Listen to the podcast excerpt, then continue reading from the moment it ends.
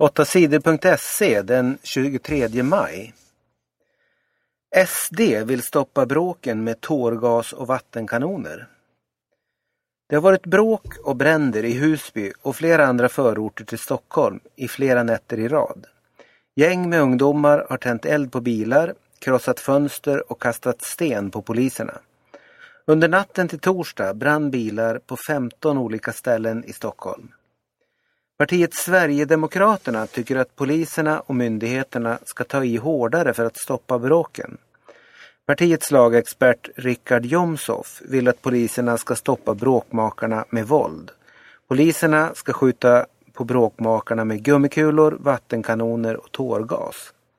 Han vill också att det ska vara förbjudet att gå ut för folk i Husby så länge bråken fortsätter. Sverigedemokraterna är det enda parti som vill lösa problemen i förorterna på det här sättet. Papperslösa får rätt till sjukvård. Papperslösa invandrare ska få rätt till vård när de är sjuka.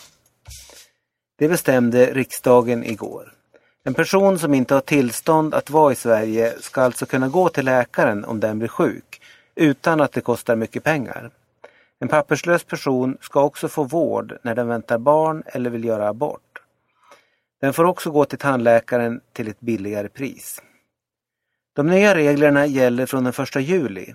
Då kommer det att kosta 50 kronor för en papperslös invandrare att gå till läkare eller tandläkare.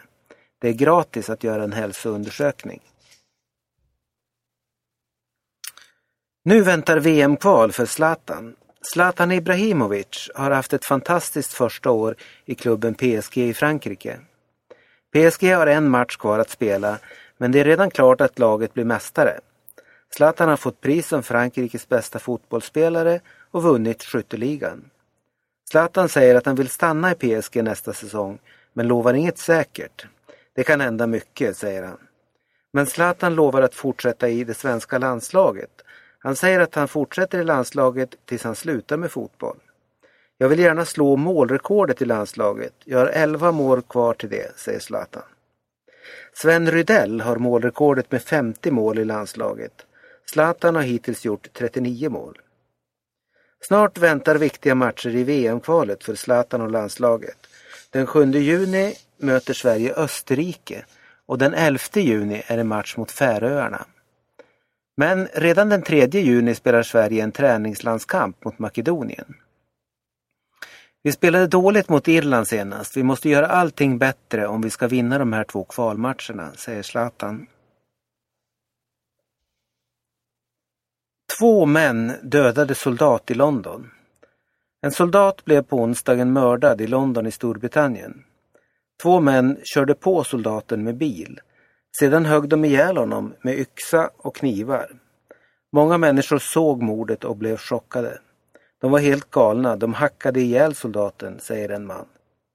Efter mordet visade en av männen upp en blodig kniv för folk som filmade. Han sa att de dödade mannen för att han var soldat och hade dödat muslimer i Afghanistan, säger en kvinna till tidningen The Telegraph. Det här var troligen en terrorattack, säger Storbritanniens premiärminister David Cameron. Lotta Schelins lag kan bli mästare igen.